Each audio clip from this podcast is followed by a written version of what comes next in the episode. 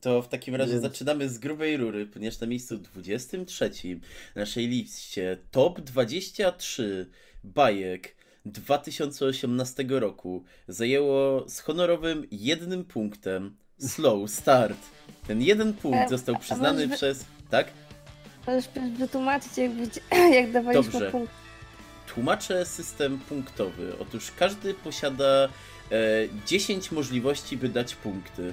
Może wystawić 10, 9, 8 i tak do jednego. W ten, sposób, w ten oto sposób wybranych 10 bajek wrzuca w pulę. Każdy tak robi, a później dodajemy punkty w każdej z bajek. Ta, która ma najwięcej, wygrywa. Ta, która ma najmniej, przegrywa. I tak leci od góry do dołu. W związku z tym, jak wspominałem, z honorowym jednym punktem, slow start.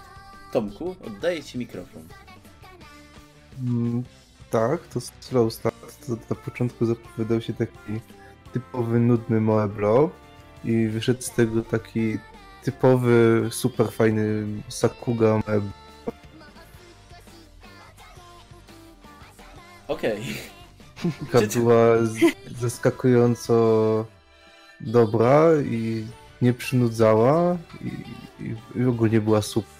I bardzo ładnie animowane te dziewczynki były, jak tam machały rączkami, chodziły i, interaktowały jedna z drugą czy coś. Co to kupisz o fabule Slow Starta? Że, że jest od... i do...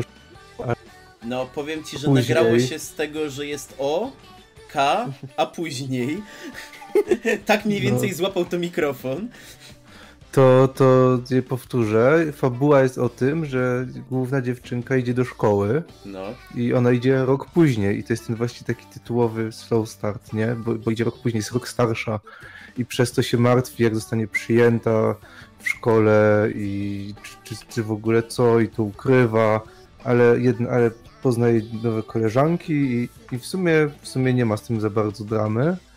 No i tam poznaje potem no, poznaję koleżanki, się bawią z koleżankami, jest super, jest fajnie. poznaję koleżanki się bawią i jest super. Dobrze. No to w takim razie, to przechodzimy wyżej. Jest to Aggressive Retsuko. Tak. Bajka z Netflixa, której dwa punkty honorowe przyznała Madzia. Tak, ponieważ ja nie spodziewałam się, że ta bajka będzie czymkolwiek, a okazała się bardzo fajną serią o e, korpo życiu i tym z lekkim romansem w tle i granie radzeniu sobie w e, początkach swojego korpo. Więc jest bardzo fajną komedią z bardzo przyjemnymi bohaterami i, i polecam wszystkim na rozluźnienie sobie włączyć na Netflixie to ma jakieś 10 odcinków, a naprawdę to jest y, bardzo dużo zabawy. Okej. Okay. Miejsce 21. Dalej honorowo, bo tylko przez jedną osobę wystawione dwa punkty i znowu jest to Tomek. No to... Jest to Sword. Art Online Alternative Gun Gale Online. No to to jest adaptacja spin-offu Sao, który jest dobry i bardzo dobry nawet. I Bajka to była czysta zabawa, taka zabawa w czystej formie podawana dożylnie w ogóle. I Jezus, jakie tam rzeczy się działy. To jest o tym, że jest sobie wysoka dziewczynka i ona to nie, nie, nie podoba jej się, że jest wysoka bardzo, bo się strasznie wyróżnia w tłumie, no i ogólnie nie podoba jej się to. No i chce sobie pograć w gierki i szuka gierki, żeby jej postać była małą dziewczynką. No i właśnie trafia do GGO, więc zaczyna w to grać, no i sobie gra w, to, w tą grę, jest dobra i Jezus, jakie tam fajne rzeczy. To po prostu trzeba obejrzeć, bo to jest super zabawa. Okay. I jak ktoś nie lubi Sao, to niech ogląda tak czy siak, bo to jest super zabawa. To jest super zabawa. Miejsce 20. Tu Bian Ying Yong Leaf. Honorowe A, 3 punkty od Lesia. A po angielsku To Be Heroine albo To Be Hero 2. Dobrze, powiedz mi, o czym jest ta seria i czy trzeba oglądać To Be Hero, bo to widocznie kontynuacja. Nie, nie, jest, to do, nie jest to do niczego potrzebne, dlatego bajkę w sumie nazywa się bardziej To Be Heroine z tej samej franczyzy, dlatego jest To Be Hero 2. Y, To jest seria, po której no nie mogłem się spodziewać nic. Stwierdziłem, ej, fajna nazwa. To Be Hero mi się w ogóle nie podobało. Patrzę, To Be Heroine, no fajna nazwa. Dziewczynka fajna jest na plakacie. Na Crunchyrollu to streamują. Włączam pierwszy odcinek, patrzę, dobrze, coś mi tu nie gra. Postacie mówią po chińsku. Na Crunchyrollu są suby, ale mówią po chińsku. Coś mi nie pasuje. I dopiero pod koniec odcinka okazuje się, że mamy podział stylistyczny na to, że w normalnym świecie postacie mówią po chińsku, a w Isekaju mówią po japońsku. Podział polega na tym, że mamy naszą główną bohaterkę, która ma taką quasi depresję, no, jest takie przebitki, że jest czarno-biały, że cały świat jest w ogóle czarno-biały, pada deszcz, jest jej smutno, nie ma, nie ma żadnego celu w ogóle w życiu, jest, to po prostu jest tragedia. I mamy ten moment, w którym się pojawia w tym jakby świecie isekajowym, w którym ma zostać bohaterem i ma przywrócić światło temu światu. Spotyka tam takiego małego karła, takie dziecko w, w samych złotych gaciach, które jej mówi dobra, zostaj naszym bohaterem, tak jak wspominałem, przywróć nam światło. A stwierdza, no okej. I okazuje się, że w tym świecie każda część garderoby może zostać zamieniona w serwanta, czyli na przykład skarpety w dwóch takich y, seksownych serwantów, tam pończochy może zmieniać, y, kurtkę może sobie zmienić, koszulkę i tak dalej. I w momencie tylko, kiedy straci się wszystkie części garderoby, to w tym świecie się umiera, dlatego zawsze trzeba mieć chociaż tą bieliznę. I to brzmi totalnie absurdalnie i takie przez dwa pierwsze odcinki jest. Bajkę się tego oglądało w sumie dla chińskiej Sakugi webgenowych animatorów, a później okazało się, że przyszedł trzeci odcinek, przy czwarty odcinek były cały czas przebitki retrospektywne, bo fabuła tak naprawdę ta w normalnym świecie to je, jest przedstawiana jako już wydarzenia, które miały miejsce i które doprowadziły jakby do tej depresji protagonistki i tego, że znalazła się w tym świecie. I to tak naprawdę, jak to zaczyna eskalować tam w trzecim, czwartym, piątym odcinku, jak, jak jeszcze jako są dziećmi, potem jak idą dalej, taka grupka przyjaciół, których ona potem spotyka, jakby ich ucieleśnienia w tym świecie isekajowym, y, dochodzi do absolutnie kosmicznego finału w szóstym i siódmym odcinku, gdzie mamy po drodze śmierci członków rodziny, samotność, odejścia, w ogóle wyrzucania z rodzin i bajka wskakuje na jakiś taki, taki poziom y, trochę przesadzony mimo wszystko, ale to dalej jest ten poziom, że chińskich bajek, który przy wszystkich swoich wadach miało Evil or Life z poprzedniego roku, że to może ta bajka nie wyglądała za dobrze, była miejscami głupia i tak dalej, ale fabuła, którą opowiadała, to bardzo mocno wybijała się przynajmniej z, z tych klisz i bycia generyczną. I to samo udaje się w Tubi Heroine, które naprawdę dobrze opowiada taką historię o tracie, niezrozumieniu i w rodzinie, która jest ukryta pod właśnie taką isekajową otoczką walki ubraniami serwantami. I to, że i tutaj Chińczycy po prostu dostarczyli jak komuś się nie podobało To Be Hero albo nigdy nie oglądał, to może albo obejrzeć pierwszy To Be Hero i To Be Heroine, a jak mu się nie podobało To Be Hero, to i tak powinien sprawdzić To Be Heroine, bo to tylko 7 odcinków w sumie. Okej, dobra. Ja zdecydowanie polecam. W takim razie wchodzimy wyżej. Jest to ostatnie honorowe miejsce, honorowe miejsce 19, na którym e, ja dałem te 4 punkty. I jest to Overlord, sezon trzeci. Dlaczego? Dlatego, że naprawdę dawno nie enjoyowałem czegoś aż tak jak Overlorda, który bardzo mocno w tym sezonie skakał pomiędzy feelingiem całej serii. Z jednej strony pierwszy odcinek był absolutnie genialny i opowiadał o po prostu e, korpo życiu w Nazariku. Jakby ktoś nie wiedział czym jest Overlord, to w sumie powinien, ale basically to jest e, isekai, w którym protak odradza się w grze MMO jako licz, przywódca gildii i jest raczej tym złym charakterem, który e, planuje, który chce tylko odnaleźć tak jakby dlaczego, skąd się tam wziął, czy są tam jacyś jego przyjaciele i tak dalej i w związku z tym e, raczej jest tym takim właśnie złym władcą demonów, który gdzieś tam knuje w podziemiach i ma misterne plany swoich tam wszystkich różnych e, wysłanników dem, właśnie demonicznych i tak dalej, i tak dalej, który do ludzi raczej nie czuje nic, co jest tam wyjaśnione wszystko po drodze, to nie jest tak, że to wszystko się dzieje z dupy. A o co chodzi w sezonie trzecim? Otóż po pierwsze i najważniejsze, trzeci sezon Overlorda ma naprawdę genialny opening i ending i moim zdaniem chyba najlepsze w ogólnie e, e, franczyzie, nazwijmy to.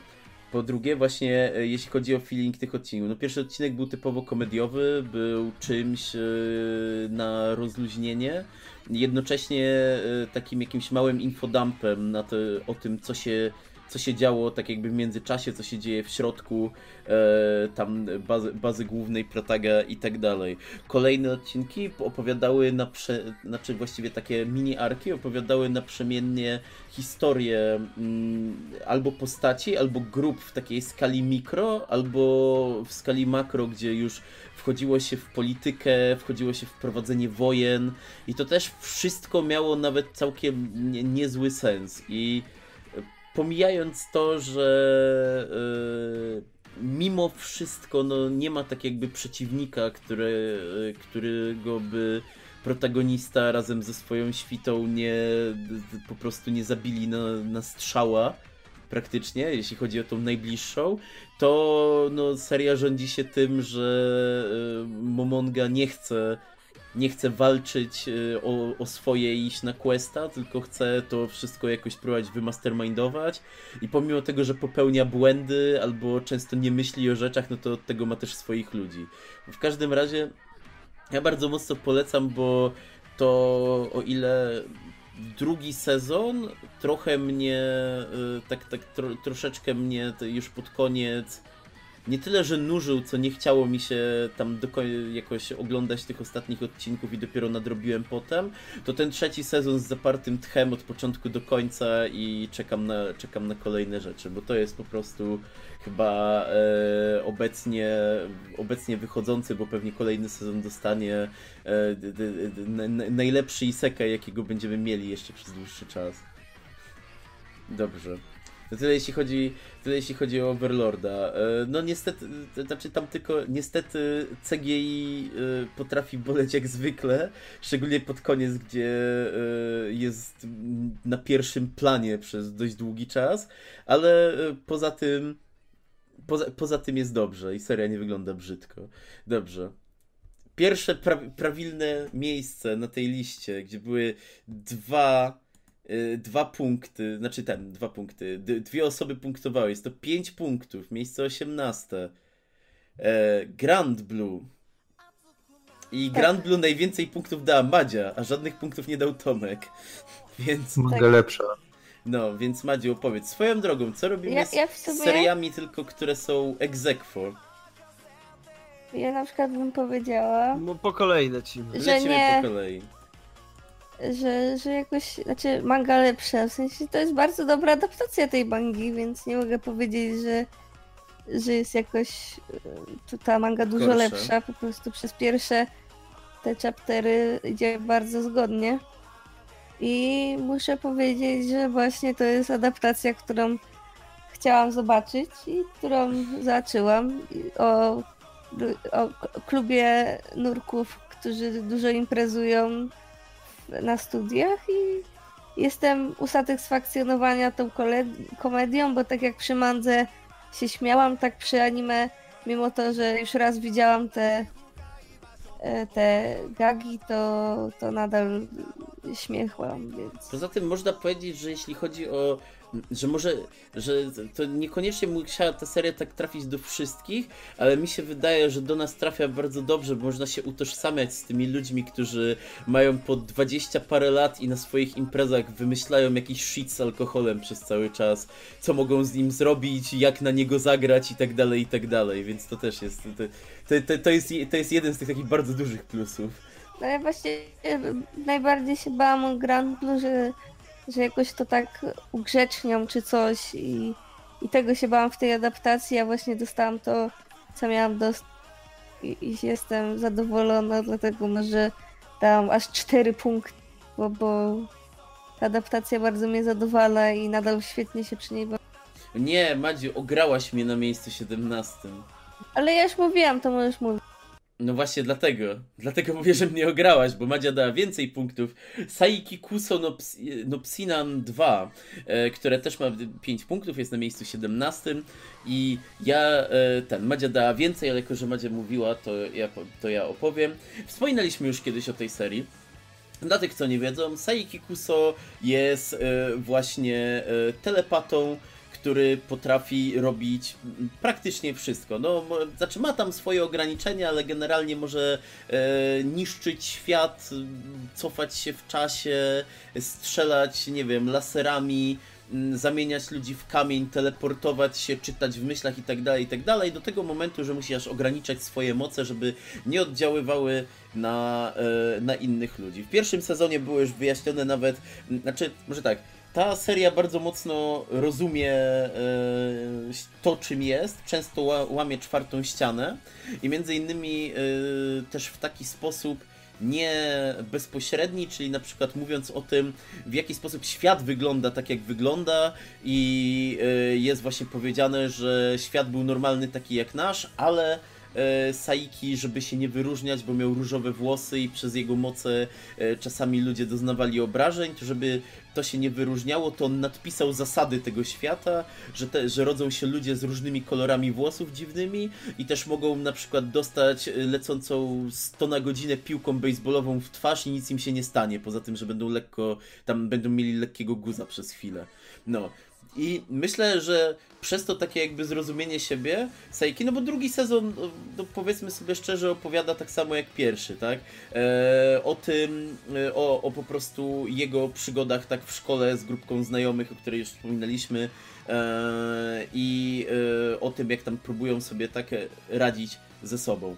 A mm, o co, o co chodzi? Że właśnie przez to zrozumienie wydaje mi się, że te gagi są takie przemyślane, i bardziej do, bardziej do ciebie trafiają, bo to nie jest po prostu idiotyczny, tak idiotyczna komedia, tylko jest w pewien sposób konsekwentna i na tą konsekwencję zwraca się uwagę. I zwraca się uwagę w ten sposób, że kiedy na przykład coś jest niekonsekwentne, to jest to punktowane, że ale przecież to było wcześniej, nie wiem, wcześniej było coś innego. To czemu już, czemu już nie jest tak? I jest na przykład to wyjaśniane, albo e, po prostu założenie, że a, bo to jest komedia. No i to z Saikim problem jest taki, że to jest e, jedna z tych, ma... znaczy z tych mag, z tych bajek, które opierają się w 100% na... Co? Eee, w, w 100% eee, na gagach i ciężko jest ją opowiedzieć, bo ona brzmi jak każda inna durna komedia. Eee, Okej. Okay, eee, takim razie co? Przechodzimy wyżej. Jest to Gauken Babysitter. Nie, nie, tak. Gakuen. Gakuen Babysitters, przepraszam. Gakuen Babysitters. I. Ja tam wysoko. Dobrze, ty dałeś wysoko. Tak.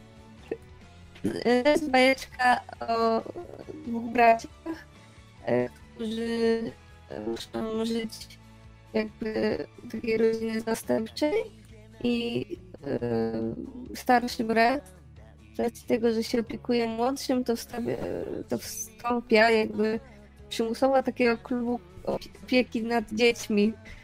Brzmi trochę dziwnie, ale to jest naprawdę urocza i spokojna jest. seria z, ko z komedią.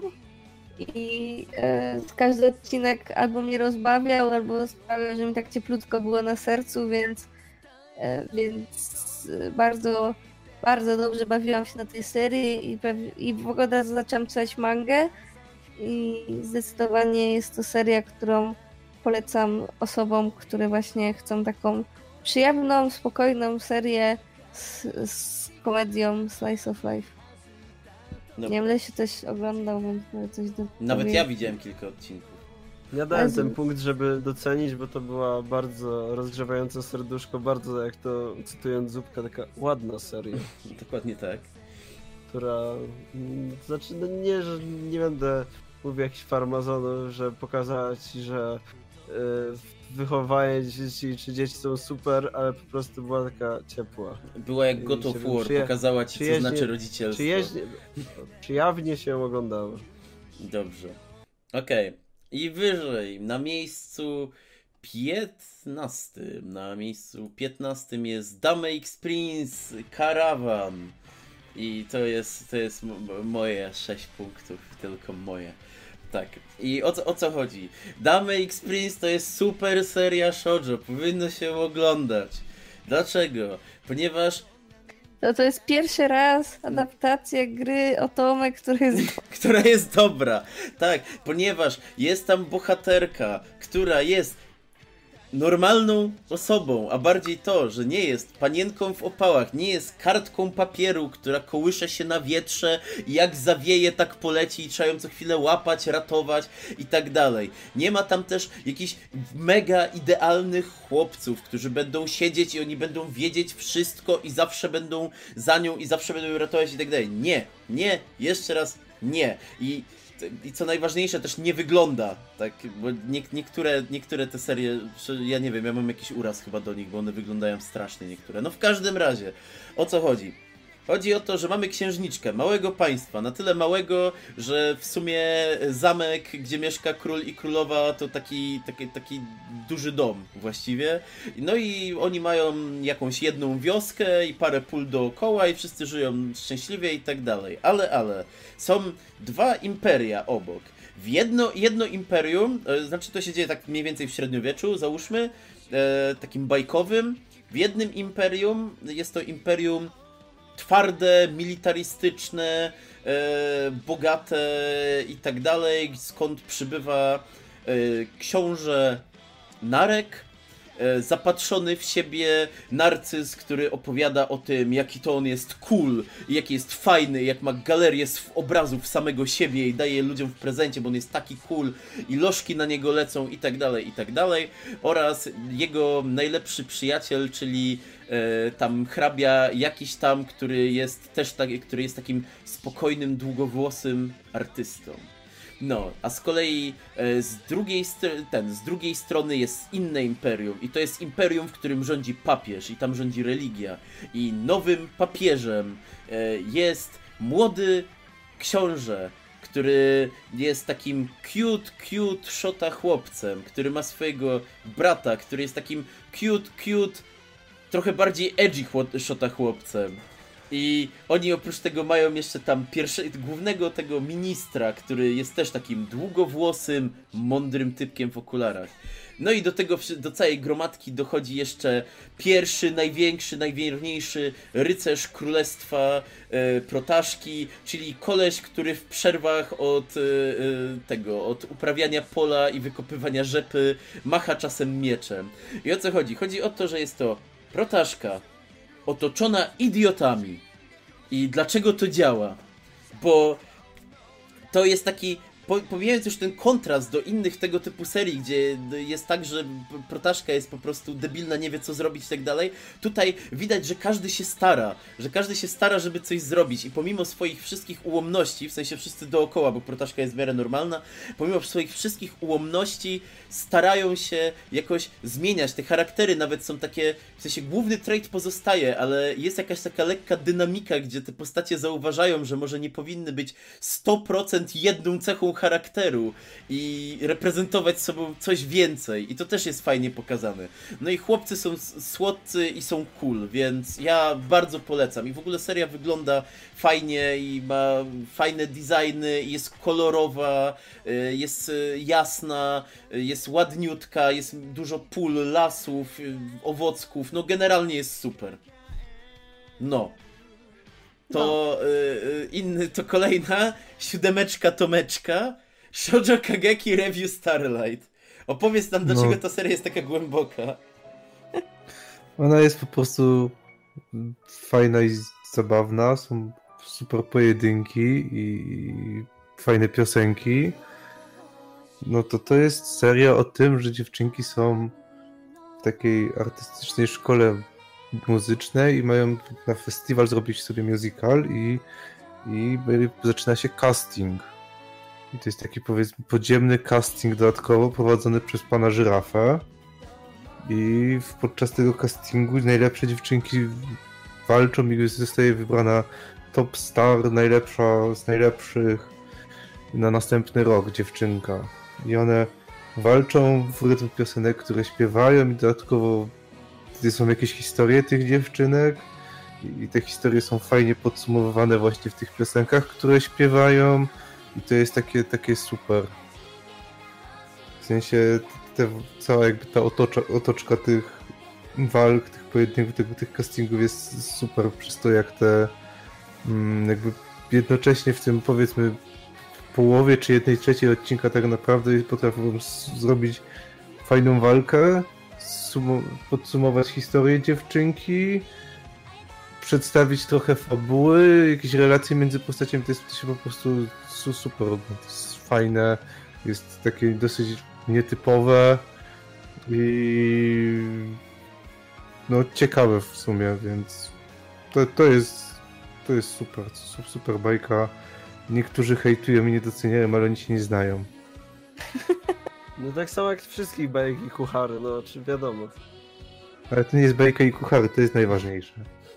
Że dalej po, po enjoy, można enjoyować Starlighta i hejtować i kucharę jednocześnie.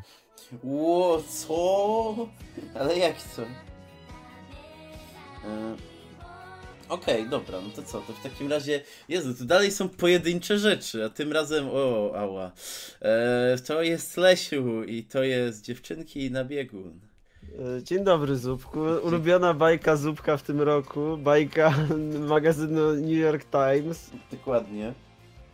No, przyznaję, że w trakcie roku mogłem trochę zapominać o Strayori z tego powodu, że w sumie nie licząc sezonu, w którym wyszło i nie licząc jakichś tam pojedynczych ludzi, którzy za mocno się aż nad nią rozpływają w internecie, to ciężko było cokolwiek o niej usłyszeć, bo ludzie po prostu to jest tak, że to, tą baj, o tej bajce dają tylko ludzie, którzy dają 10 na 10 i to był problem, że ja też o niej trochę zapominałem do tych podsumowań roku, ale powiem sobie przypomniałem, że to w sumie była na pewno, na pewno jedna z najładniejszych bajek roku, która miała świetną reżyserię, yy, dziewczynki były w niej fajne, była, znaczy no też nie chcę właśnie tych ludzi, którzy gadają, że to jest seria 10 na 10 opowiadać o tym, że no w ogóle zmieniłem swoje życie, obejrzałem tą bajkę ja, te, ja teraz wiem, ja wiem co teraz mam zrobić, żeby spełnić swoje marzenia i tak dalej. Nie, ale jak Tak, ja to, zawsze chciałem polecieć na biegun, teraz polecę. Ale, ale jak o to chodzi, to to była całkiem spoko seria, w sensie byłem w stanie,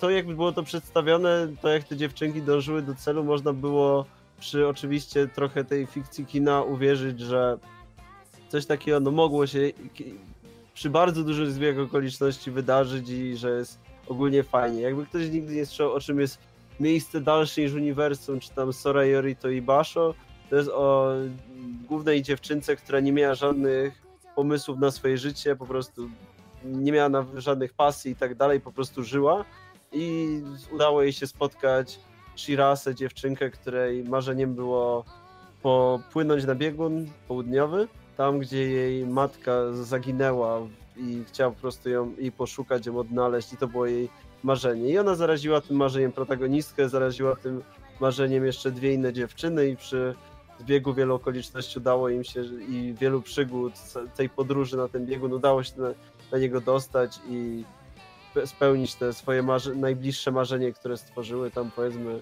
Kiedy były na biegunie, były tam takie ładne odcinki, jak to sobie grały na gitarze, siedziały, pingwiny oglądały. No ogólnie była to bardzo przy, przyjemna seria i jeżeli ktoś jest podatny powiedzmy na taki y, bullshit i naciąganie się psychologiczne to, no, że to ta bajka odmieniła moje życie, to ona, ona dobrze na tym gra, że można było to wykorzystać. Ale poza tym to jest naprawdę przyjemna seria takiej drogi podróży o dziewczynach, które chciały spełnić swoje marzenie. Jest Rayori, polecam zdecydowanie. Bardzo ładna bajka. Dobrze. To co, to, to wyżej, wyżej, dalej, lepiej. Ginge Judensetsu Dinoye Tize Kaiko. Jest Kaiko, nie Kaiko. Tak to ładnie przeczytałeś. Tak, tak. Dinoye Seize. Ginge Judensetsu Dinoye Tize Kaiko. Kaiko w sumie. Dobrze. Tutaj chyba najwięcej punktów DM. Ja nie wiem, bo nie ma tutaj napisane, kto ile punktów, ten, kto jest kim, więc muszę zgadywać. Ale no, zgaduję, w ostatniej kolumnie. Zgaduję, że to ja. Dobrze. W, taki, w takim razie.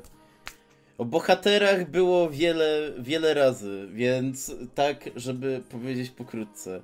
To jest dobra seria, to jest w ogóle bardzo dobra adaptacja, bo to, jest, to, to nie jest tak jakby remake starej serii, tylko nowa adaptacja noweli.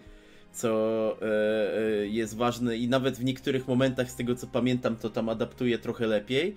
E, inne momenty, które powiedzmy były mniej potrzebne, skraca. Co, no tam powiedzmy jest dyskusyjne, czy, czy, czy, to lepiej, czy to gorzej. Mi akurat to nie przeszkadzało, bo mi się dobrze oglądało, jak to nabrało jakiejś takiej większej dynamiki, ale ogólnie ciąg fabularny i przesłanie pozostaje to samo. E, o czym są bohaterowie, to pewnie każdy wie, po prostu walczą ze sobą dwa imperia w kosmosie dawno, dawno, dawno w przyszłości. E, ale o, o czym są naprawdę, to jest to bardzo duży taki jakby komentarz odnośnie tego, co się na świecie działo, tudzież dzieje, gdzie są porównywane i przedstawiane różne jakieś ustroje polityczne, gdzie e, różne, no jako że to jest seria o wojnie, taktyki wojenne, e, tego jak właśnie działa polityka podczas wojny, e, jak jest cała, cała, cała masa różnych nawiązań do tego, w jaki sposób były, właśnie jakie były ruchy polityczne lub wojskowe, taktyczne na przestrzeni wieków. I jak dla mnie to jest, nie dość, że to jest taka kopalnia, no, kopalnia w sumie różnych referensów, to jeszcze to, że sama seria przedstawia dobrą historię i takie fajne postacie. W sensie kas jest dosyć spory i da radę zrozumieć, czym są te postacie, co one robią, dlaczego się w jakiś dany sposób zachowują i tak dalej, i tak dalej. Jest bardzo mało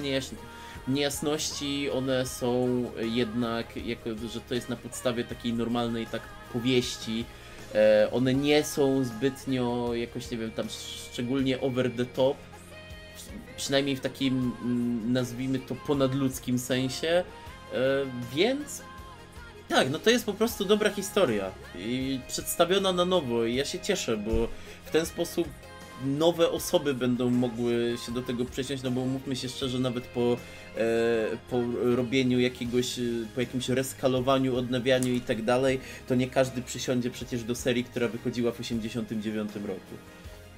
No. Więc e, to, jeśli o to chodzi, to polecam. I teraz Tomeczku. Eurocamp. Miejsce 11. O, to prawie się załapało.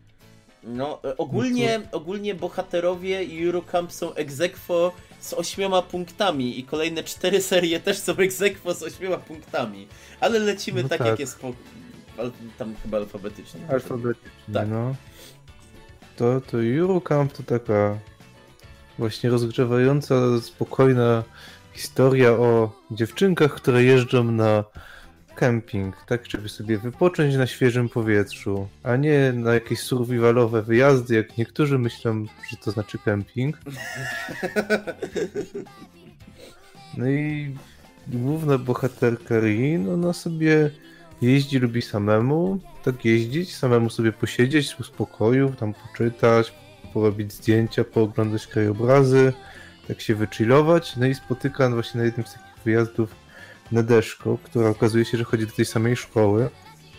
No i Nadeszko się w to wkręca i dołącza do klubu. Do klubu, w którym jak się okazuje Rin nie, nie uczestniczy i to jest klub właśnie takich wyjazdów kempingowych.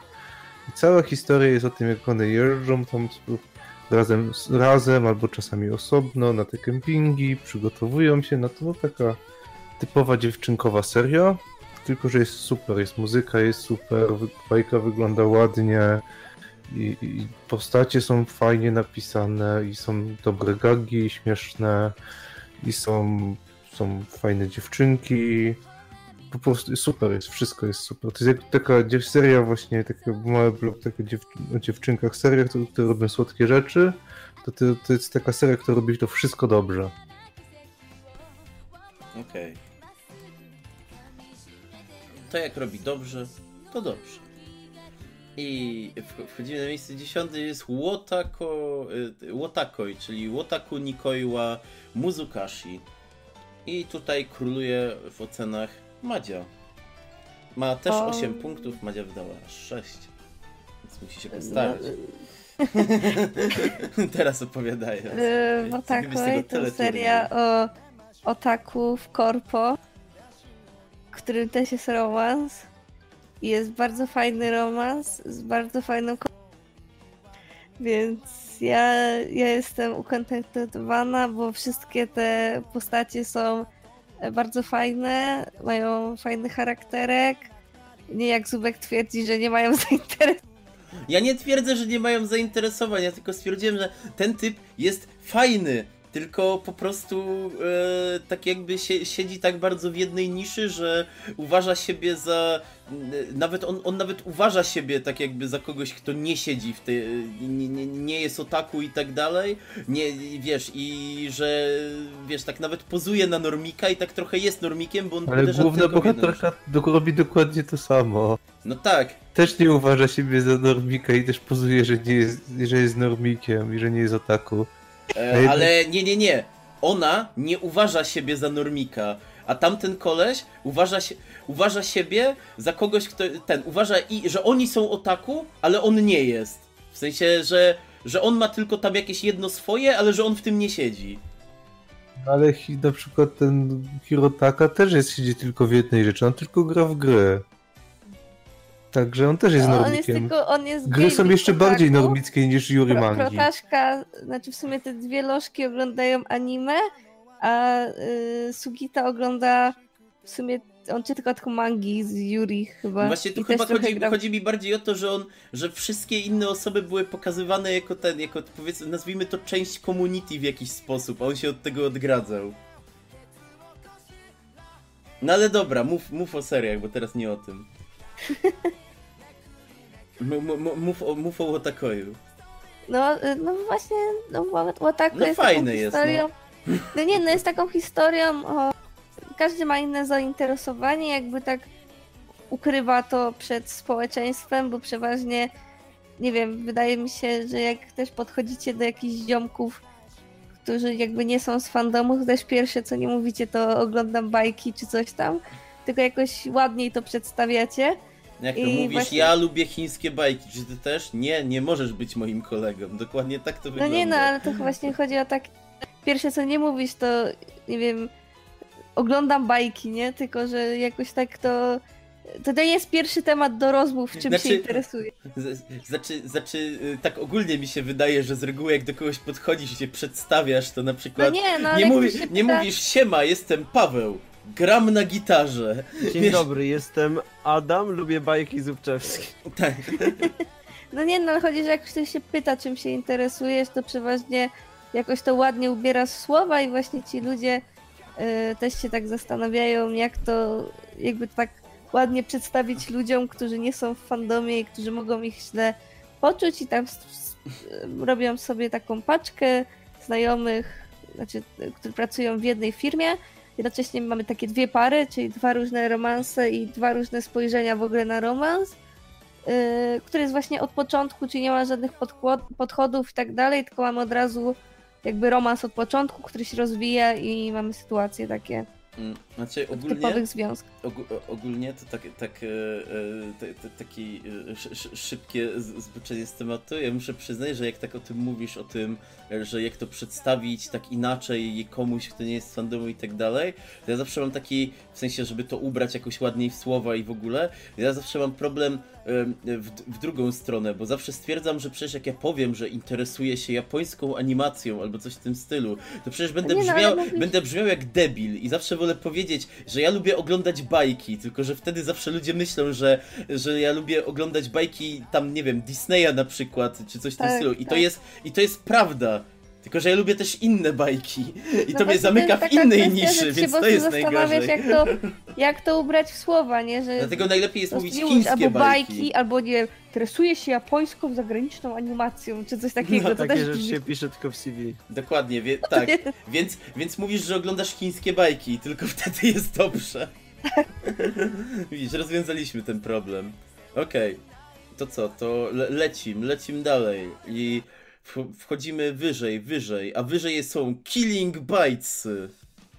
O, to jest, to jest bajka, która w tym roku spadła jak rakieta na, na, na nasz wspaniały fandom, a przynajmniej na bardzo ma małą grupę, którą wiem i którą. To jest jedyna bajka, którą przyznaję w tym roku. Musiałem forsować. Niczym z pierwszego odcinka Furikuri, ale to każdy wie. To Killing Bites, ono, ja pamiętam nawet z, z, tej historii to też było, to, jest bajka jednak, którą nawet na, na Forczana wchodziłem, żeby forsować, tam nawet jak było trzeba robić memiki, bo bajka wychodziła razem z Wild Evergarden i trzeba było robić memiki, że Killing Bites są lepsze, ale w miarę to zadziałało, bo na, na grupach po dobrym forsowaniu ludzie zaczęli doceniać Killing Bites. Jeżeli kogoś interesuje czym jest Killing Bites, to jest bajka, która na pierwszy rzut oka wygląda jak naj, najgorsze co, mogłeś, co możecie obejrzeć, jeżeli nie jesteście fanem edgy gówna. Patrzycie, to jest bajka o dziewczynkach, i trochę kilku chłopcach, którzy mają swoje DNA wymieszane ze zwierzątkami, mogą się zamieniać y, w pół ludzi, pół zwierzątka, które mają zdolności tych zwierzątek. No tam trochę podkręcone. No i mamy protaga, który jest zwyczajnym studentem, którego przyjaciele zostali brutalnie zamordowani tam w trakcie tego, jak próbowali jedną dziewczynkę zgwałcić. Okazało się, że ona jest właśnie tym Tierofantem, czy jak się tam nazywają ci ludzie zamieniający się w zwierzęta, no i ona tam ich wszystkich zamordowała. No tak uszedł tam przypadkiem z życiem, y, wpada w krąg walk killing bitesów i ostatecznie zostaje mistrzem najbardziej popierdolonego ze zwierzątek, czyli Ratela i musi zmierzyć się w wielkich zawodach Destroyal, które są starciami drużynowymi właśnie tych ludzi, zwierząt o tam ogromne pieniądze, dominację nad światem i jakieś wielkie złe korporacje. I to wszystko tak brzmi cały czas całkiem mech, a to czym seria stoi to, że yy, postacie mają bardzo fajne designy, w sensie dziewczynki są ładne, są przy, naprawdę przyjemnie dla oka, jak się zamieniają, to to nie są jakieś fur, fury gówno, tylko wygląda jakby to by, zazwyczaj wygląda jak jakiś bardzo dziwnie naciągany cosplay, że zmieniają mi się tak naprawdę ręce i rosną To, to, to ja, ja widziałem określenie, to jest semifury. To, to jest takie lo, Ja- ja semi-fury. Ja, ja to będę określał jako se, semifury, bo nie fury jest wtedy, kiedy są uszka i ogonek, a fury jest wtedy, kiedy całe ciało, a one mają tak pół, więc to jest semifury. Dobrze, to semi-fury. I tak jak mówiłem, seria ma taki bardzo dziwny e, stosunek do seksualności, który w sumie w, baj... w mandze nie, nie ma tego. Było to trochę w bajce wyeksponowane, że było zabawniej. W pierwszych odcinkach, po, po czym przestało być pokazywane te, jak na przykład były tam w drugim bodajże odcinku dziewczynka ma tam pokazane piersi, są sucki, no typowa ecchi gówno i tak dalej, a potem już tego nie ma w następnym odcinku, nawet jak dziewczynka jest cała rozebrana i tak dalej, to jest pozasłaniana wszędzie w strategicznych punktach, więc bajka tak trochę szukała tego, czy ona bardziej chce podkręcić to, co jest w mandze, zostawić, czy pokazać tego mniej, bo manga ma te nawiązania do seksualności, y, teraz tam w mandze, co, co dużo osób pisało, mamy hienę z ogromnym penisem, tam jakaś dziewczynka jest gwałcona i tak dalej. I tylko, że to nie jest taki e, edge over the top, tylko to wszystko jest w takiej konwencji, jakby mimo wszystko zabawne i widać, że autor się w sumie bawi tą seksualnością, a nie, że to jest teraz ważny, poważny biznes, jak to, nie wiem, ludzie myślą, na przykład mówili, że jest w Goblin Slayerze. E, sw- swoją drogą, ja właśnie wpisałem sobie tak, żeby przypomnieć, jak to wyglądało Killing Bites w Google i jak wszedłem na grafikę, się zastanawiałem, czy autor ma jakiś fetysz na wpychanie rzeczy do ust, bo generalnie ilość e, uderzeń, które uderzają w usta, tak że wchodzą do ust, albo jakichś ogonów, które wchodzą do ust, albo jakiś, kurwa, nie wiem, tentakli i tym podobnych jest tu dam high w tych, ten, w tych obrazkach. Ale- No, au, mi, to co mi się podobało, że autor przez całą bajkę i tak naprawdę cała manga Killing Bitesów, ona jest na absolutnej granicy wpadnięcia w y, takie przeseksualizowane gówno, wpadnięcia w edgy gówno i wpadnięcia w jakąś w naj, najgorszej jakości bijatykę. I mimo wszystko cały czas na tej linii ta baj, bajka i manga potrafi balansować, że nigdy nie wpada w żadne z tych miejsc. I w sumie właśnie chyba przez to, że jako ta niepoważna, taka, no nawet edgy to nie do końca, bo to jest mocno cenzurowane i nie jest to jakoś mocno eksponowane tam, ucinanie rąk i tak dalej, to ta bajka potrafiła się obronić z tym i jest naprawdę super przyjemna do oglądania i jak ktoś szuka po prostu takiej, takiego bitewniaka, gdzie jest du dużo pół, półnagich, trochę, jak to Złek powiedział, semifury dziewczynek, które w totalnie niepoważny sposób ze sobą walczą. Jest milion totalnie głupich nawiązań do zwierząt i tak dalej, które są prezentowane w jeszcze głupszej formie, no to to jest zdecydowanie jedna z najbardziej Takich serii do enjoyowania nawet nie tego roku, a Raty. ostatnich lat przynajmniej dla mnie. Tak, Ja wszystkim polecam Killing Bites. dokładnie. Dobra, wyżej. O, tu jest moje, moje 8 punktów. Goblin Slayer.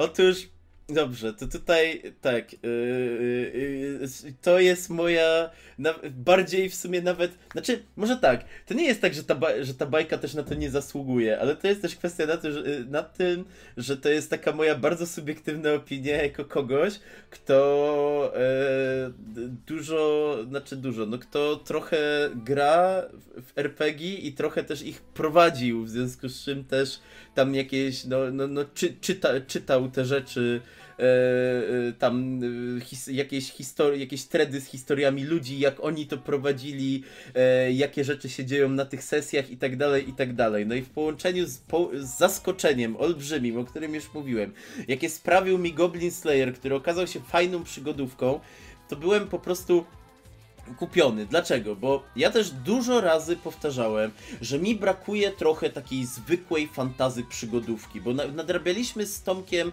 mieliśmy ten temat parę razy, nadrabialiśmy jakieś serie z lat 90., czy to ja, czy właśnie ja z Tomkiem, czy coś. No i generalnie przez cały czas było tak, że tam było dużo tych takich serii, tych takich klasycznych właśnie jeszcze na, bazowanych na jakiejś tej e, e, pi- pierwszej, drugiej edycji dedeków w ogóle e, takiego, takiego nazwijmy to trochę klasycznego e, epic fantazy, e, właśnie takich przygodówek, takich normalnych, bez żadnego, nie wiem, isekaja, który leci w over the top, bez żadnego śmiania się z jednej strony albo super powagi z drugiej. To była taka taka zrównoważona, taki tier zrównoważonej przygodówki, gdzie były poważniejsze momenty, były zabawniejsze momenty, parę rzeczy było umownych, ale generalnie zbierało się party, które zaczynało jakąś podróż, które miało przygody i tak dalej.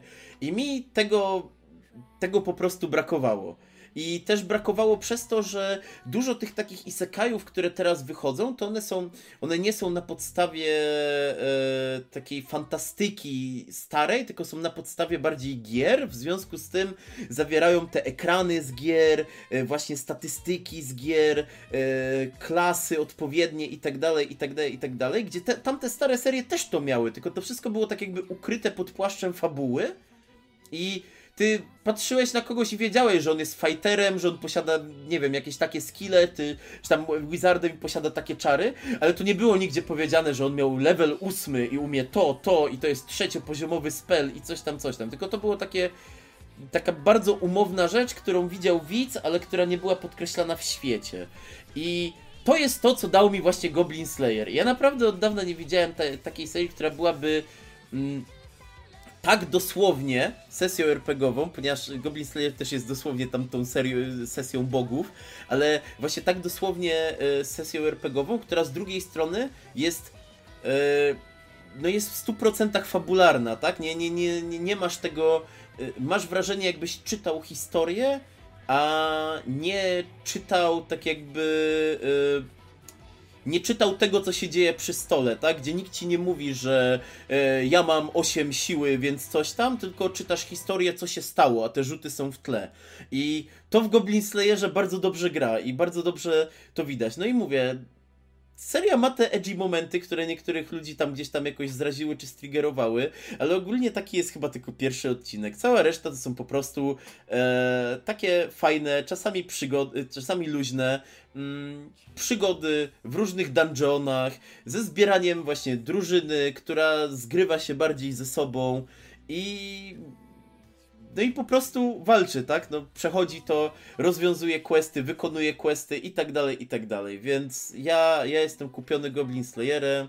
Ta seria zasługuje na obejrzenie. Jak ktoś lubi, szczególnie jak ktoś gra w jakieś RPG, albo lubi klasyczne RPG, albo DD czy coś, to naprawdę e, oglądanie, jeszcze oglądanie tego w grupie, gdzie można sobie z tego pośmieszkować trochę, co się dzieje i trochę sobie tam powyjaśniać, pośmiać się i tak dalej, jest naprawdę naprawdę niezwykłym doświadczeniem, więc ja Goblin Slayera bardzo mocno polecam i nie słuchajcie ludzi w internecie, bo oni gówno wiedzą i to wcale nie jest edgy gówno dla dwunastolatków, tylko fajna, zabawna bajka o po podróży i wykonywaniu questów i tak To dalej. jest sesja RPG dla 12-latków. Nie, to jest sesja RPG dla cool. Dla poważnych studentów kucy. Dla poważnych studentów kucy, dokładnie. Nie, właśnie. Jak poważna sesja RPG dla poważnych studentów kucy musiałaby. A tam są dwie lożki. Ale powiedzmy, powiedzmy, że to jest. No to dwóch kucy Gra nóżkami. Którzy grają lożkami, tak, właśnie tak się zastanawiałem. No dobra, w każdym razie, ja polecam. A, te, a ten koleś, który gra Yoko Hikasą, to wiesz, jak ktoś skończył wcześniej. No bo był na innej imprezie wcześniej. Tak, dokładnie, bo to są te, te, te sesje, które mają, e, które są se- serią, serią kampanii, które się ze sobą nie łączą, ale dzieją się w tym samym świecie. Dobra, nieważne. Dobrze, dalej, kolejna seria z, ósmy, z ośmioma punktami. Jest to Boku no Hero Academia 3, której 8 punktów wystawiła Madzia.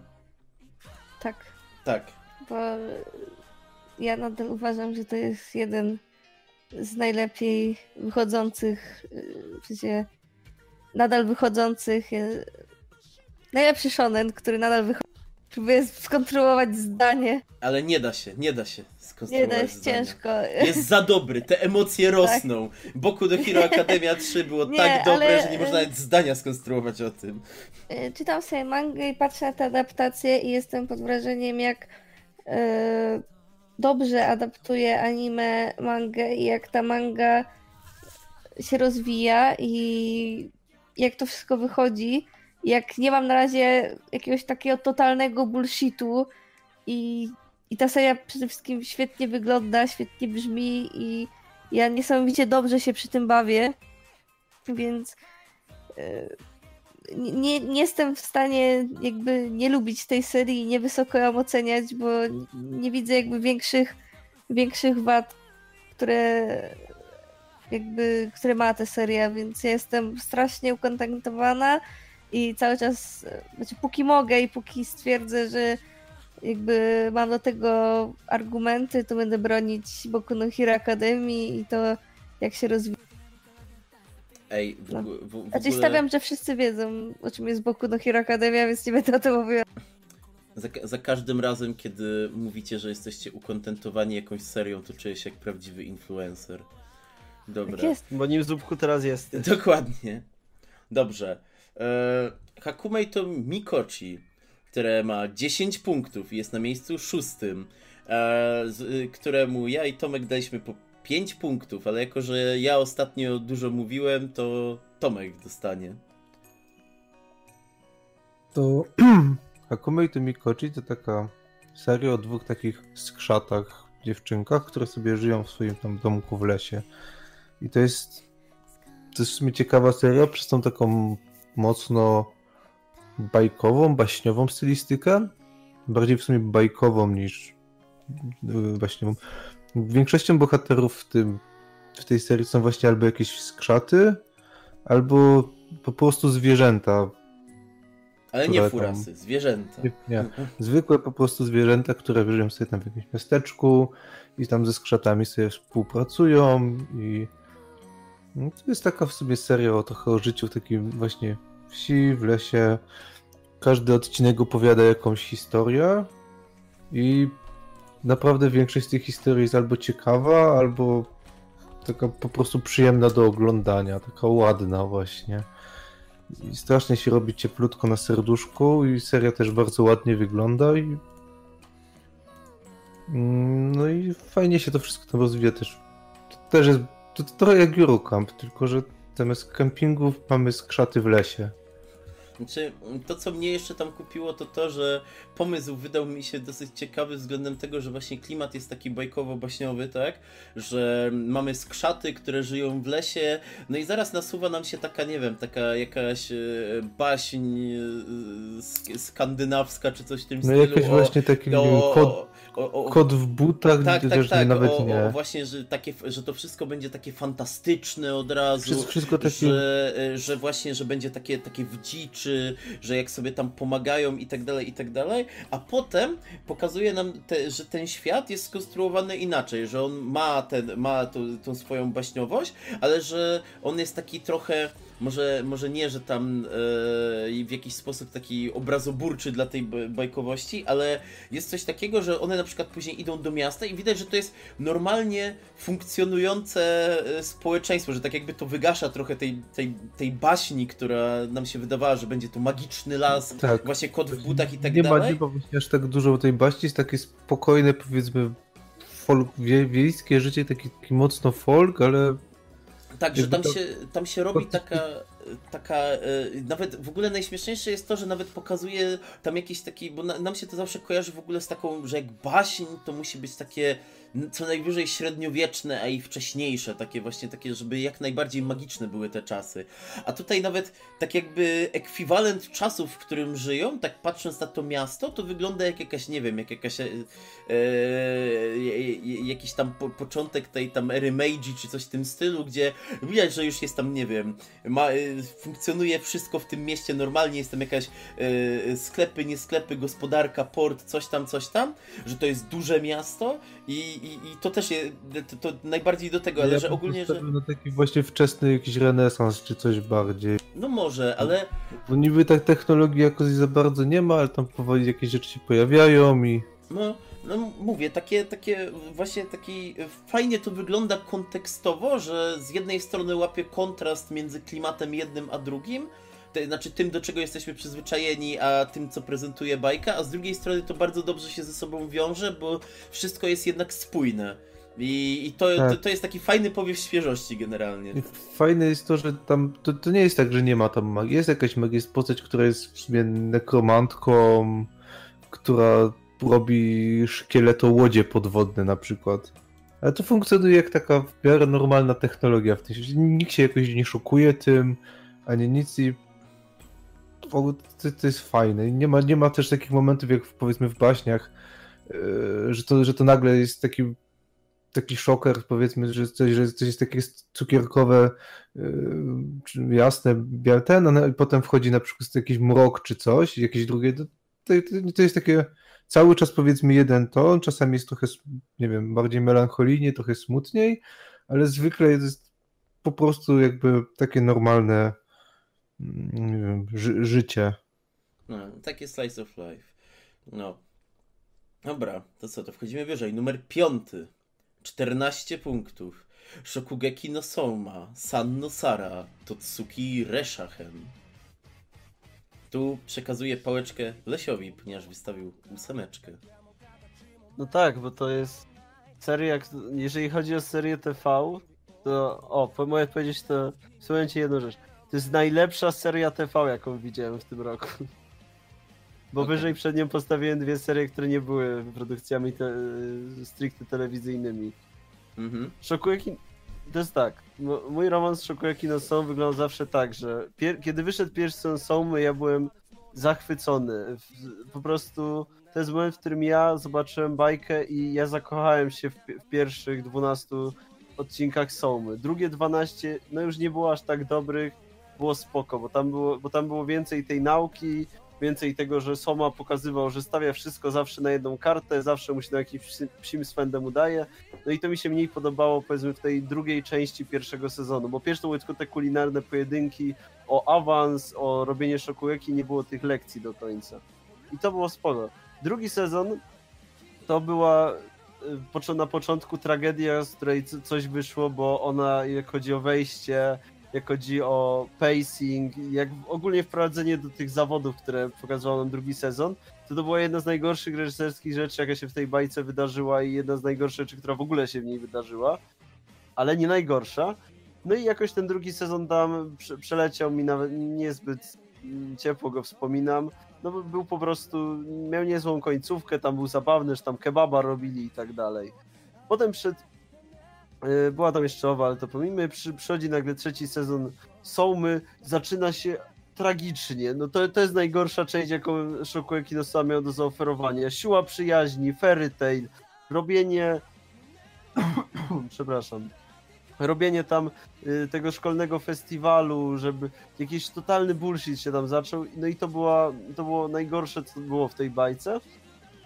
I potem ten ark się skończył i mieliśmy dalej jakieś niefantastyczne tam pojedynki Sugitą, które tam e, się odbywały, gdzie Soma go pokonał, tego Elite'a i było spoko.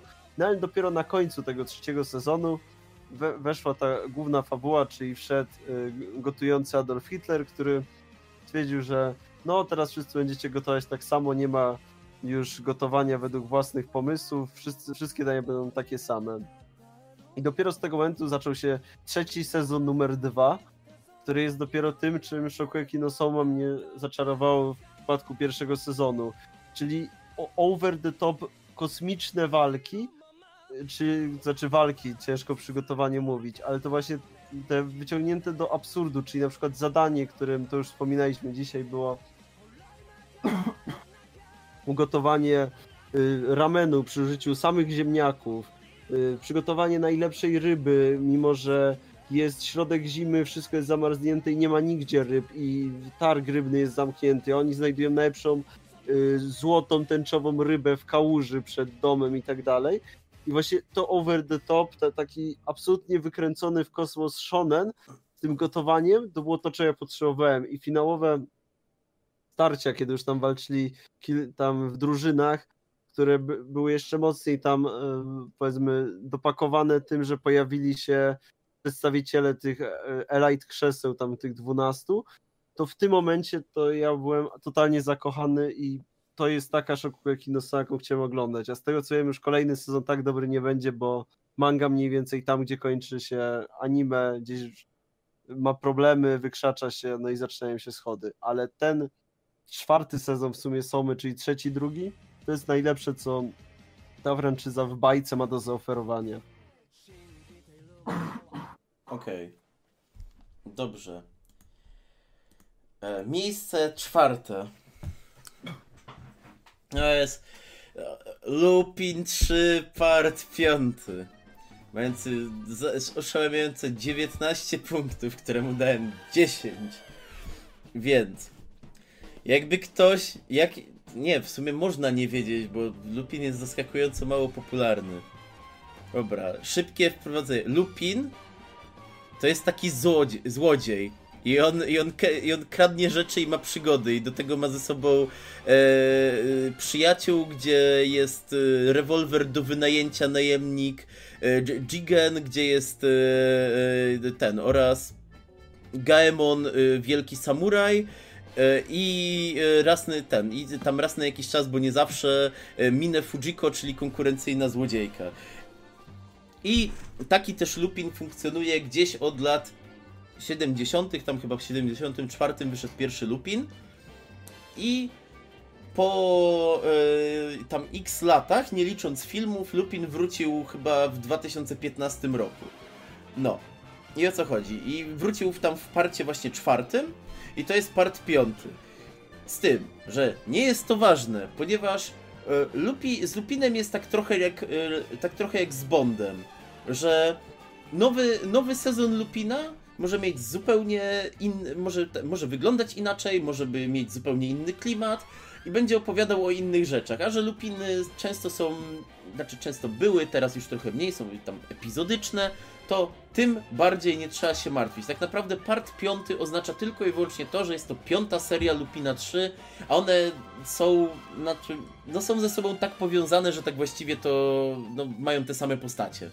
I raz, I raz na jakiś czas zjawi się jakieś nawiązanie czy referenc, ale w ostatnim tym lupinie był to bardziej tribute dla starych lupinów, aniżeli, yy, aniżeli yy, faktyczny referenc, że trzeba kogoś pamiętać, kogoś znać i tak dalej.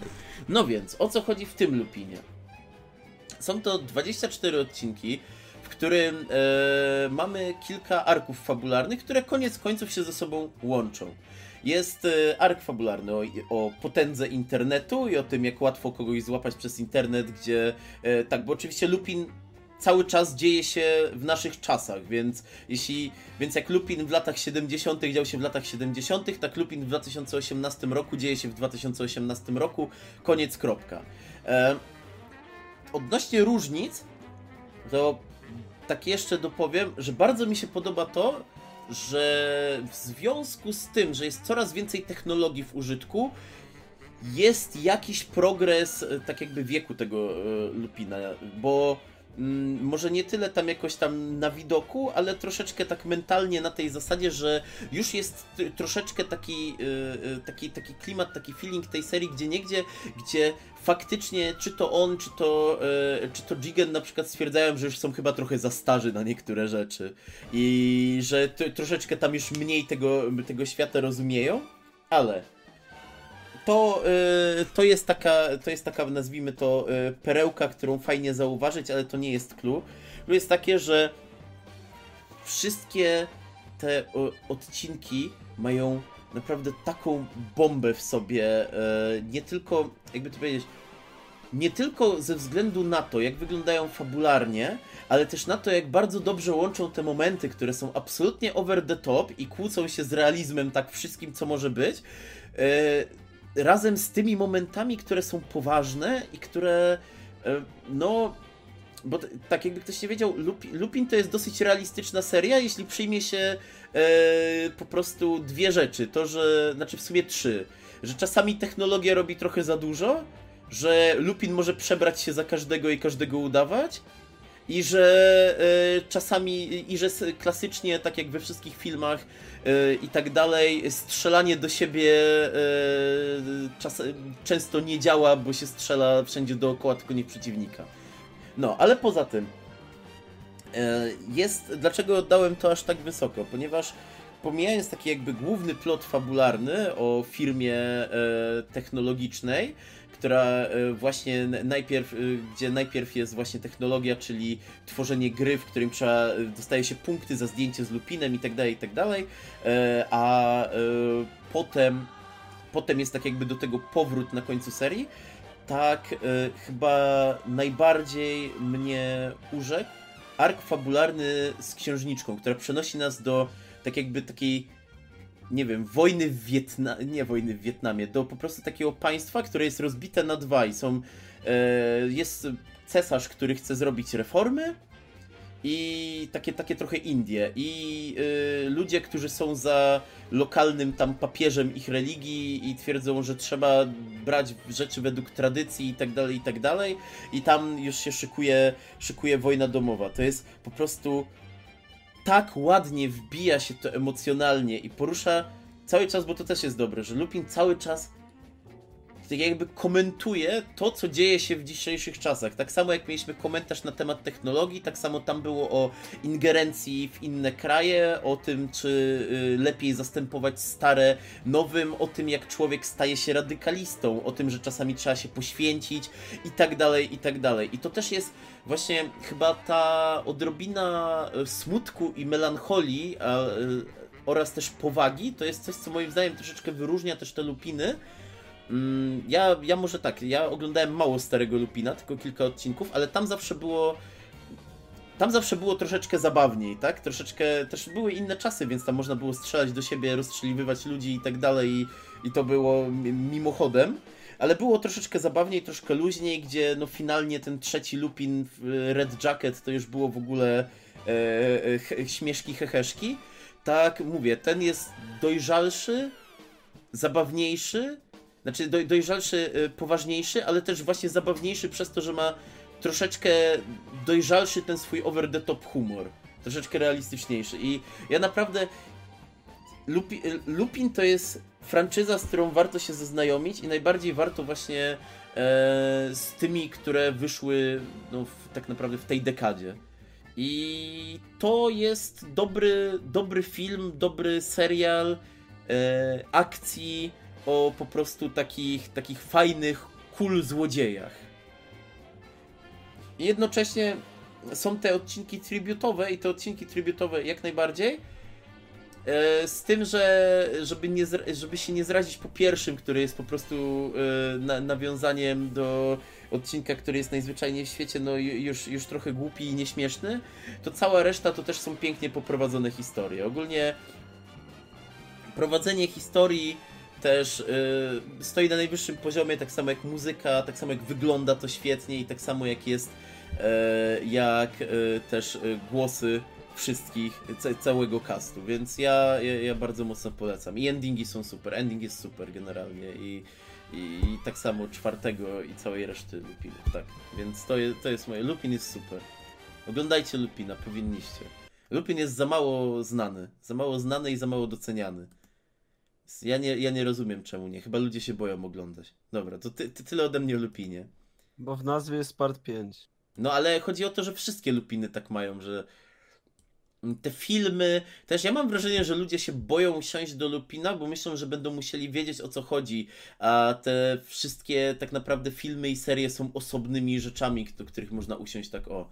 No ale dobra. No i ludzie na przykład tego nie wiedzą. No tak, tak, tak. No to mówię, że to jest chyba e, problem, chociaż wiesz, z filmami czasami się trochę, e, trochę zastanawiam, no bo wiadomo, że one są jakoś tam połączone, znaczy połączone, że możesz to skojarzyć z serią, no ale jak po, nie wiem, 15 latach od serii wychodzi film, no to no nie wiem, no, no mówię, no nie wiem, ludzie się boją, że, że będzie coś, czego nie zrozumieją. To nie bójcie się, to jest moje ten o Lupinie. Dobra, dalej. Nie bójcie się oglądać. Nie bójcie się oglądać Lupina. Seishun Butayaro wa Bany G- Girl Senpai no Yume Wominai. I tutaj najwięcej dałem ja i Madzia, ale ja właśnie mówiłem dużo, więc Madzia powie. Ja też dużo. Ale ja mówiłem przed Wiem, tobą. Umawialiśmy wiem, się wiem. wcześniej, jak to działa. Więc oddaję tobie mikrofon. Już. Yy, No. Więc tak. Yy, Seishun Buta Yaro Babani bla bla bla bla bla jest serią opowiadającą yy, o chłopaku, który zostaje wplątany w różne historie dziewczyn, które mają taki problem, który się nazywa, nie pamiętam jak on się nazywa. Yy, Nieważne, problem sy- syndrom? Gimbus, syndrom Gimbusa, nazwijmy to. Znaczy, to jest taki, powiedzmy, że syndrom dojrzewania. Mm? Nie wiem, czy to, czy to jest dobre. Dobrze, to jest dojrzewanie. Yy, No i właśnie on tam jakby im pomaga, ponieważ to są takie, taki syndrom, który sprawia, że jakby każda dziewczynka ma inną przypadłość, ale jednocześnie nie jest to taka haremówka, ponieważ Protak już sobie wybiera jedną wybrankę swojego serca i jakby jest z nią do końca i, i tak dalej. E, Więc na przykład mamy dziewczynkę, którą e, nikt nie widzi i trzeba rozwiązać jej problem, żeby e, jakby ludzie zaczęli ją znowu zauważać, zanim zniknie. Mam dziewczynkę, która e, nie wiem, jest bullying, została bullyingowana w szkole i on, to na nią tak wpłynęło. E, Druga, która ma taki syndrom, znaczy syndrom ma taki kompleks starszej siostry, to znaczy bardzo się jakby przejmuje, że nie będzie tak dobra jak jej siostra. No i tak jakby każdy ten y, problem ma swoje następstwa i jakiś taki y, nie nierealny, tylko jakby fantastyczne schorzenie. Nazwijmy to tak. I właśnie Sakuta, główny bohater, pomaga tym dziewczynom jakby y, dojść do siebie i rozwiązać swój problem. Jednocześnie y, seria stoi bardzo wysokim poziomem na tle dialogów i na tle relacji między postaciami. I to mnie najbardziej przyciągnęło. To znaczy, że te wszystkie postacie są barwne, y, każda jest inna, jednocześnie nie są jakby takimi totalnymi kalkami, tylko każda ma swój jakby charakterek. y, Jak mówiłam, seria stoi dialogami, więc każda umie sobie odpyskować, umie powiedzieć, jedna jest słodsza, drugi jest bardziej zadziorny i, i jakby właśnie najmocniejszą tą y, serią tej strony jest, może stroną tej serii jest, yy, są właśnie dialogi i dla tych dialogów i na sposobu prowadzenia tej y, całej fabuły ogląda się tą bajkę. Ja serdecznie polecam, bo zdecydowanie Seishun Buta jest bajką, która mnie zaskoczyła i do której będę wracać pamięcią. O kur... Więc. Chce ktoś coś. Nie, nie, dobrze. Seishun Buta jest super, bo Protak dał buta na ryj. Nie był beta. To jest, jest moje stwierdzenie. Nie, ja byłem zaskoczony, że, że, że da radę zrobić serię, która jest o licealistach, która jest rom, też romansem, która jest o problemach tych licealistów i Czyli żaden, i, i oni nie są głupi w chuj, upośledzeni, nie robią dramy niczym, nie, znaczy nie mają mentalnie trzech lat i potrafią ze sobą rozmawiać. Tak było. Więc ja byłem pod wrażeniem, bo ja straciłem tak naprawdę wiarę w to, że można robić ta takie rzeczy w bajkach. Seishun Buta mi powiedziała, że można, ale tutaj Marcisław mówi, że monogatari, tylko że tak jakby Monogatari nie do końca opowiada, wiesz, o... o... Monogatari nie jest... Monogatari w swoim założeniach nie jest serią przyziemną, która pokazuje ci normalnych ludzi. Dokładnie. Monogatari pokazuje ci wszystko over the top, bo to jest styl Nishio Ishina. No tak i właśnie Monogatari to jest seria, która, która, którą tak jakby odbieram jako inną kategorię, bo tam nawet jeśli opowiada o tym samym, to jest to tak zrobione tak właśnie tak mega e, metaforycznie, onirycznie, w ogóle fantastycznie i tak dalej. A z kolei w Station Boocie właśnie wszystko jest bardzo przyziemne i jestem zaskoczony tym, że w momencie, kiedy nie chodzi o te moce i tak dalej, kiedy to jest normalna seria, która dzieje się w jakiś sposób w szkole, to ci ludzie są w stanie normalnie ze sobą rozmawiać, mieć w siebie wyjebane, krzyczeć na siebie, czasami się pobić i tak dalej i nie robić problemów maksymalnie z dupy, a nawet jak robią problemy maksymalnie z dupy, to jest to skomentowane, że to jest problem z dupy, bo, bo jest dziwny. Bo czemu się w ogóle, wiesz, czemu zwracasz na to uwagę? I to, i tu jestem pod wrażeniem. No, dobra. Eee, to co? De, de, Debil Man Crybaby. To Tomek. No, to chyba ja. To chyba ty. To chyba ja. To ja jakoś z rok temu w sumie na pewno mówiłem dużo. I że to była najbardziej oczekiwana seria tego roku. W sensie trochę tak. I to tak, z, De z Devilmanem to, to, to, to, tak. Najważniejsze jest to, że to jest właśnie ta adaptacja tej starej mangi, która była spoko, nawet bardzo spoko, miała, miała tam jakieś swoje wady i tak dalej i to jest adaptacja, która jest jakby uwspółcześniona mocno i te wątki, które są pozmieniane, dodawane trochę, dalej wpasowują się w, idealnie w klimat jakby tej, tej serii. I to jest świetne. Poza tym jest super zrealizowana. Tak jak tam właśnie z Yuasa z tym swoim e, studiem zrobili te powiedzmy maksymalnie brutalne sceny jakiejś rzezi czy, czy, czy inne takie bardziej krawędziowe rzeczy. To, nie są, to jest chyba najlepsze, co mogło spotkać tę adaptację, bo z jednej strony nie, nie spotyka ona się z takim no w sensie, prawdopodobnie dużo gorsza przez to, że ta moc była się tak wylewa od tej, mimo że jest jej dużo, to dalej jest Tomku, że nie jest, Tomku, po, nie, nie jest po prostu cenzurą, słowa. tylko że, że, że, co, słucham? Mówię, że ucina cię trochę z końcówki. Końcówki. Mów wyraźniej do mikrofonu. No nie.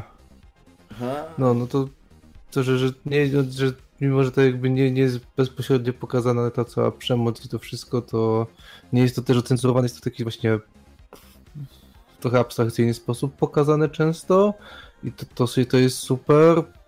W ogóle no, ta animacja we Flashu może się podobać, może się nie podobać, ale nawet jeżeli się nie podoba, to, moim, to wydaje mi się, że nie, powin, nie powinno być jakimś wielkim problemem, a muzyka i, i to w sumie reżyseria, no, no wszystko, wszystko jest świetne.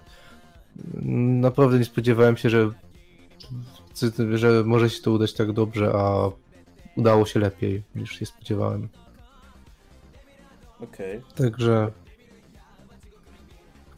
sam początek. Sam początek. Sam początek 2018 roku już trafiła mi się seria, seria roku. To trochę się zaskoczyłem i, i, dalej jestem pod wrażeniem, że nic z tego nie przebiło. Okej. Okay. Dobra, no to co? To teraz czas na serię roku 2018, która przewyższa drugie miejsce o 10 punktów. Jest to Fury Kuri Progressive, a najwięcej punktów dali Madzia, Ilesiu. W związku z... Co? Nie, nie, Jezu, Tomek Ilesiu. Właśnie. Nie, Madzia ile? Nie, dobrze, Madzia Ilesiu, no to co, co, co, co ty się... Jak to? A to Tomek nie dał 10? No, No przecież to jak Ja dał dałem Devilmanowi. dziewięć. no, no to Dałem proszę, A, 10 przepraszam. Madziu, Devilmanowi. proszę mnie nie wprowadzać w błąd, to jest No poważna bo, albo u audycja. mnie, u mnie wygląda tak, że Tomek dał 10 puri Chyba, że puri, ja a dałem, bo kolumny są zamienione miejscami, bo w Gdzie, tak. co? O Jezu, kolu... w sensie, jak, jak, jak cofnąłem, Nie. to te kolumny chyba moja Nie, nie zamieniły się miejscami. Ty masz Okej. jeden dla Slow Startu i dziewięć dla Furikuri Progressive. Madziu, proszę nie siać No to- fermentu. No, Nie miałam tak po prostu. Nieważne. No okej, dobrze. Ma Madziu, To na slow start jak patrzyłem, to źle pomyliłem To Lesiu rzędy. niech mówi. to Madziu dał- i, i, i Lesiu, bijcie się. Kto będzie mówił o Furikuri? Mm, Dobra. Ja będę mówił tak długo, jak mi wytrzyma gardło przy sobie mi wysiadło, ale... Dobra, Fu Furikuri, czyli kolejna na tej liście wskrzeszona rzecz przez Production IG. Po ilu? Po 18 latach wzięli markę i zrobili z nią no, coś, co w większości osób się nie podobało, co cena na malu w postaci 6,68 potwierdza, bo y, to jest ten sam czas, który już upłynął i ludzie już tak, takim, takiego mistycyzmu nadali pierwszemu sonowi Furikuri, że czegokolwiek oni by nie zrobili, to zebrałby gorsze oceny. To jest to samo, co jeżeli teraz by wyszedł ten Half-Life 3, to tak samo by skończył. I na tej zasadzie, że ludzie po prostu już na, w sumie na nie mieli oczekiwań, bo nikt nie spodziewał się, że Furikuri dostanie kiedyś kontynuacji i nie potrzebowało tej kontynuacji, ale jeżeli już dostało, to musimy przyjąć, co dostaliśmy. To po 18 latach, tak jak Devilman Crybaby było y, zrobię uwspółcześnieniem historii, która była w starych Devilmanach, tak? Furikuri, na, Furikuri Progressive na swój sposób, jak nawet jest w tej nazwie ten Progressive, że przeszło drogę tych 18 lat i zaserwowało nam bardzo podobną historię, która nawiązuje w milionie punktów do starej serii i robi to po prostu przez trochę takie zabiegi narracyjne naszych czasów, trochę pomija y, jakieś te wstawki takie komediowe, które dzisiaj by mogły nie przejść, jakiś y, ta- taki totalny chaos narracyjny, czyli po prostu jakby ułatwia przekaz tego samego, co pokazywała nam pierwsza seria Furikuri. Jeżeli ktoś nie wie, czym są którekolwiek sceny Furikuri, to są takie bardzo odjechane, robione przez, co wielu są, już wystarczy za wyjaśnienie, Studio Gainax i pierwsza seria była również robiona we współpracy z Production IG, to nie jest tak, że nie mają pojęcia, co robią, ale były to odjechane serie o chłopcu, którego brat wyjechał do Ameryki, a on musiał sobie radzić mm, z dorastaniem, miał tam tą swoją starszą koleżankę, która się z nim zadawała tylko dlatego, że była zakochana w jego bracie. Potem pojawia się dziewczyna, która mówiła mu, że jest przybyszem z kosmosu i że tutaj ona szuka takiego kosmicznego bytu, który pozwoli jej zostać królem piratów. No i ogólnie to było bardzo mocno symbolizowana seria takich pojedynczych sześciu historyjek, która nam opowiada o tym, jak właśnie protagonista przechodzi przemianę, jak próbuje sobie poradzić w miarę z tym dorastaniem. I po tych 18 latach dostaliśmy teraz dziewczyny, która ma problemy o tym, że straciła kiedyś w historii też swoją bliską osobę, yy, która tam odeszła i zostawia jej tylko prezent, są jej słuchawki, które zawsze z sobą ma. I znowu mamy bardzo dużo symboliki, znowu mamy wracające postacie, mamy mm, jakby ca cały clue historii jest bardzo się zbliżony, tylko że tutaj mamy na przykład taki bardziej powiedzmy dzisiejszy wątek romansowy, gdzie mamy po prostu chłopaka i dziewczynę, którzy chodzą razem do klasy, e, spotkałem ich różne rzeczy, ale tam bardzo szybko powiedzmy i zaczyna między nimi iskrzeć, czyli chło- chłopak i dziewczyna no w sumie tak całują się tam chyba w drugim czy w trzecim odcinku, no i jakoś widzimy, że zaczynają na sobie należeć. To nie jest taka, jak stare Furikuri pokazywała, taka patologiczna relacja między postaciami, ale ona też służyła jakby wtedy pokazaniu symboliki wyboru tego, czy protagonista wybierze tą dziewczynę, która tak naprawdę powiedzmy coś do niego czuje, mimo że to naciąganie, czy wybierze dziewczynę, która próbuje go tylko sobie obkręcić wokół palca, ale całkiem nieźle i to wychodzi. Tutaj mam po prostu czasami różne tematy, ale koniec końców dociera do tego samego. No i ten sezon Furikuri wygląda świetnie, jest fantastycznie udźwiękowiony, no bo The Pillows, które robiło ścieżkę dźwiękową do pierwszego sezonu po 18 latach wróciło i zrobiło znowu utwory. No większość są stare, ale zdarzyły się tam dwa, trzy, które były jakieś nowe albo chociaż zremasterowane względem tych starszych, które się pojawiły. I cały czas Furikuri działało. To, co przestało działać to dopiero Furikuri Alternative, którego do dzisiaj nie skończyłem, ale nie działało na tej zasadzie może, że nie było po prostu rebuffem starego Furikuri, tylko próbą zrobienia czegoś po swojemu i to nie do końca wyszło, dlatego mówię, ja nie rozumiem czemu ludzie nie, znaczy no nie doceniają, to jest złe słowo, ale dlaczego nie kupują tego odświeżenia tej starej formuły? No prawdopodobnie Hurdur nostalgia... wyszło po angielsku najpierw. Hurdur. Nostalgia prawdopodobnie prze, przeżarła y, to oczekiwania czy podejście do tej bajki większości ludzi, bo no ja nie jestem w stanie twierdzić, że to jest na przykład bajka. Rozumiem, że na przykład stylistycznie czy historia ci się bardziej podoba w jednym czy drugim, no to tam jest ocena dwie różnice, ale jak na przykład ktoś daje 3-4 oceny mniej nowemu Furikuri, dostając bardzo podobny produkt, tylko że odświeżony na dzisiejsze standardy, to ja jestem zszokowany i w sumie nie wiem dlaczego, ale no, zostawiam im wolną rękę. Ja, dosta ja dostałem odświeżoną, świetną bajkę, świetnie odświeżoną. Ja nie mogę też narzekać i tak jak wcześniej mówiliśmy na nagraniu, pierwszy odcinek przynajmniej te 10 razy widziałem i za każdym razem bawiłem się tak samo dobrze. Do dzisiaj wspominam chyba najlepiej ze wszystkich rzeczy w całym roku oglądanie kółko pierwszego odcinka Furikuri Progressive. I Oj, ode mnie Lesiu seria roku i u nas prawdziwy seria ten. roku. Lesiu wpadł w prawdziwy w ogóle szał oglądania Furikuri. Le, le, le, myśli, myśleliście, że Lesiu forsował Killing Bitesy? Lesiu roztaczał taką aurę, że jak ktoś powiedział Furikuri dwa pokoje obok, to Lesiu już tam był i odpalał pierwszy odcinek. Dokładnie tak było. Dokładnie tak Dokładnie było. ten tak dzień, było. kiedy- Jeżeli usłyszałem Furikuri, jak ktoś powiedział, że jeszcze nie widział pierwszego odcinka, to w tym momencie siadaliśmy i oglądaliśmy To pierwszy powiem, odcinek powiem wam Furikuri. tak, na To był przykład ten moment, kiedy wsta wstajesz rano, wychodzisz z pokoju i nagle Lesiu wychodzi i stwierdzacie, że to dobry moment, żeby obejrzeć nowy odcinek Folikuli, bo to pierwsza rzecz, którą zrobisz danego dnia. E, generalnie z tego, czekaj, ja nie pamiętam kiedy dokładnie wychodził pierwszy odcinek Furikuri, e, ale to było jakoś tak, że mnie nie było, bo gdzieś pojechałem i e, ja wróciłem, No chyba wyszedł do 1 kwietnia, nie? Nie, to nie tego. To nie nie tego, nie tego Furikuri. Te- Pamiętam, pamiętam że ten Mam pierwszy... pod koniec września. Tak, i ten pierwszy odcinek jeszcze mi jakoś miał tak, że on był. On był chyba wcześniej przed. Nie, to tamtego był wcześniej przed wszystkimi. W każdym razie miałem tak, że gdzieś pojechałem. I ja nie widziałem tego Furikuri. Ja przyjechałem.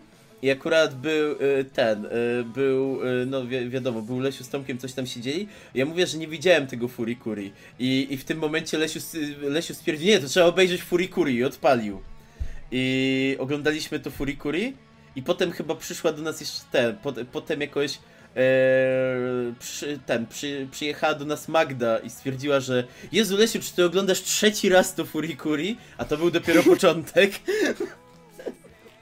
Więc Jeszcze, jeszcze z Darią dni. potem oglądaliśmy. tak, tak, potem przyjechała Daria Daria w też. połowie już przestała, ale się oglądał do końca. No ja jeszcze potem z kolejnymi osobami, no, no 10 przynajmniej razy było. Okej, I do dzisiaj za każdym razem tak samo dobrze się bawię na tym odcinku. dobrze, I, to no, co, dla kiedy mnie rewatch? seria ro- Dla- Ja mogę zawsze. A bajkę też zrowoczowałem, więc spokojnie całą. Dobra. Okej, czyli Dla to... mnie, dla mnie seria roku polecam każdemu Furikuri. Jak nawet jak starego nie brał, może zacząć od tego. Prawdopodobnie mniej mu się spodoba, bo jest mimo wszystko trochę nawiązań i właśnie to jest fajne przez te wszystkie smaczki, to jak, jest, jak się widzi dopiero tą zabawę konwencją starej serii, ale mimo wszystko cały czas polecam bardzo mocno. Okej, czyli co? Czyli to była nasze top 23 serii z 2018 roku. Możecie się Czy wszyscy... przyszły rok, czy przyszły rok będzie lepszy? Może, kto wie. Miejmy nadzieję, że będzie, bo to wtedy już będzie jakiś Bo to będzie pojebany rok, dokładnie. Miejmy, miejmy nadzieję, że Yuasa w przyszłym roku, a właściwie już w tym, w 2019 jeszcze bardziej dostarczy. Dokładnie. Miejmy, miejmy nadzieję, że dużo się zmieni i dużo będzie nowych bajek i w ogóle fajnych rzeczy i, i Cartoon Network i Netflix będą rzucać pieniędzmi w dobrych twórców, więc y, jak najbardziej. No to co, to w takim razie chyba tyle. Czy, czy, ale wiecie, bo to tak wyszło tylko 5 godzin 20 minut, może chcielibyśmy jeszcze o czymś opowiedzieć. Jeszcze podzielimy to na dwa nagrania To akurat. co, to jeszcze zrobimy od razu pierwsze wrażenia z, se z serii, które wyszły. No fajny ten boogie pop. Nie, Dziękujemy, że Boogie Pop byliście z bo, nami. tak, bo, bo, bo Madzia już nas zabije wtedy chyba. Co? Ja wszystko słucham. Dobrze, okej.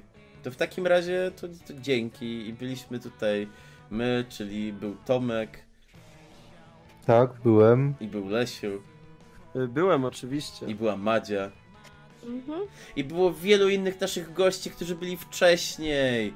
Uuu, polec... Dziękujemy im wszystkim. Tak, polecamy naszą stronę Discorda, fanpage, patrona, klikajcie, y, subskrybujcie, klikajcie dzwoneczki i w ogóle wszystko. No, to w takim razie co? To, to, to, to na razie i zatrzymamy.